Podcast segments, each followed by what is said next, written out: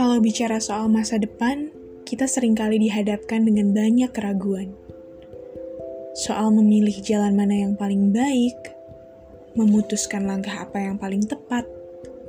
Pokoknya, kalau sudah menyangkut urusan masa depan, kita terlalu banyak dibuat cemas.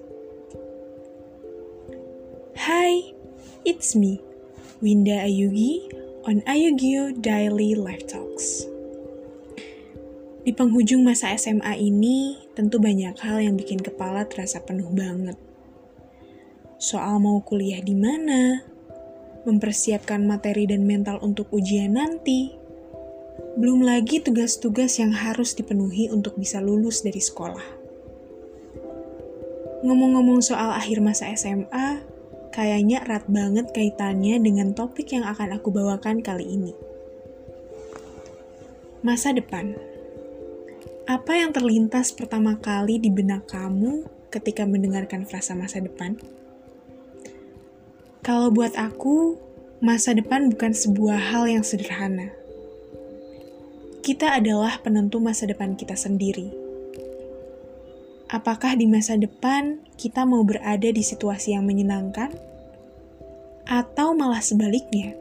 Justru kita mau mengorbankan kebahagiaan di masa depan untuk menyenangkan diri kita di masa kini.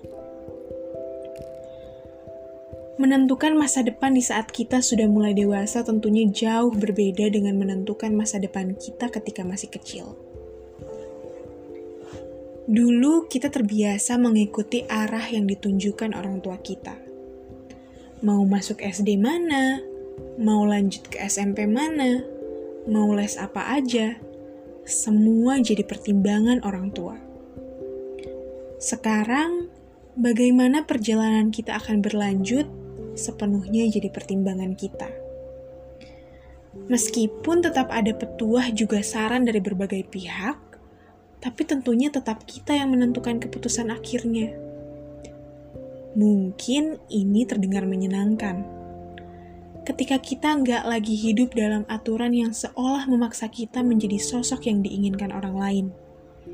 Ketika kita bebas menjadi apa pun yang kita mau melalui jalan mana pun yang kita pilih. Tapi, di luar itu semua ada rasa cemas yang sering kali ikut muncul di tengah-tengah proses kita mempertimbangkan. Kita nggak tahu, nggak ada satu orang pun yang tahu apakah jalan yang kita pilih ini adalah jalan yang terbaik? Apakah keputusan yang kita pilih ini akan membawa kita pada akhir yang kita inginkan?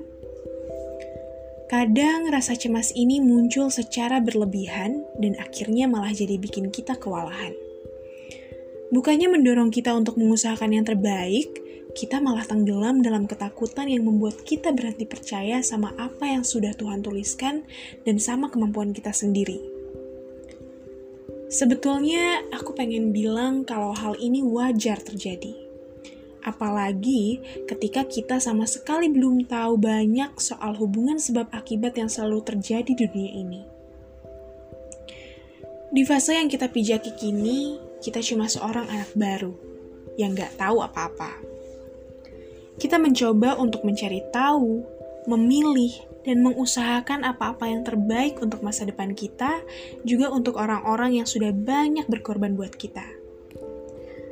Gak ada yang tahu rencana Tuhan, dan kita, manusia, cuma bisa berdoa juga berusaha agar apa yang kita lakukan saat ini bisa membuahkan hal-hal baik di kemudian hari.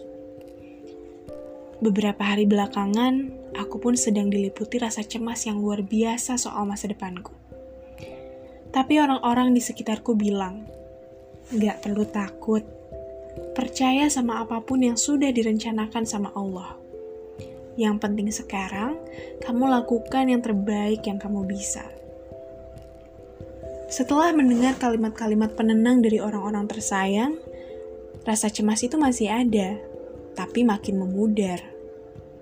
Pelan-pelan aku sadar, ketika kita terlalu terpaku sama hasil akhir, kita jadi lupa untuk menyempurnakan proses yang lagi kita buat. Kita jadi lupa untuk menikmati setiap momen berharga yang mungkin akan memberi makna di masa depan nanti. Dan yang harus kita sadari, kita jadi lupa kalau hidup yang kita jalani sudah diatur oleh Tuhan dengan sedemikian rupa.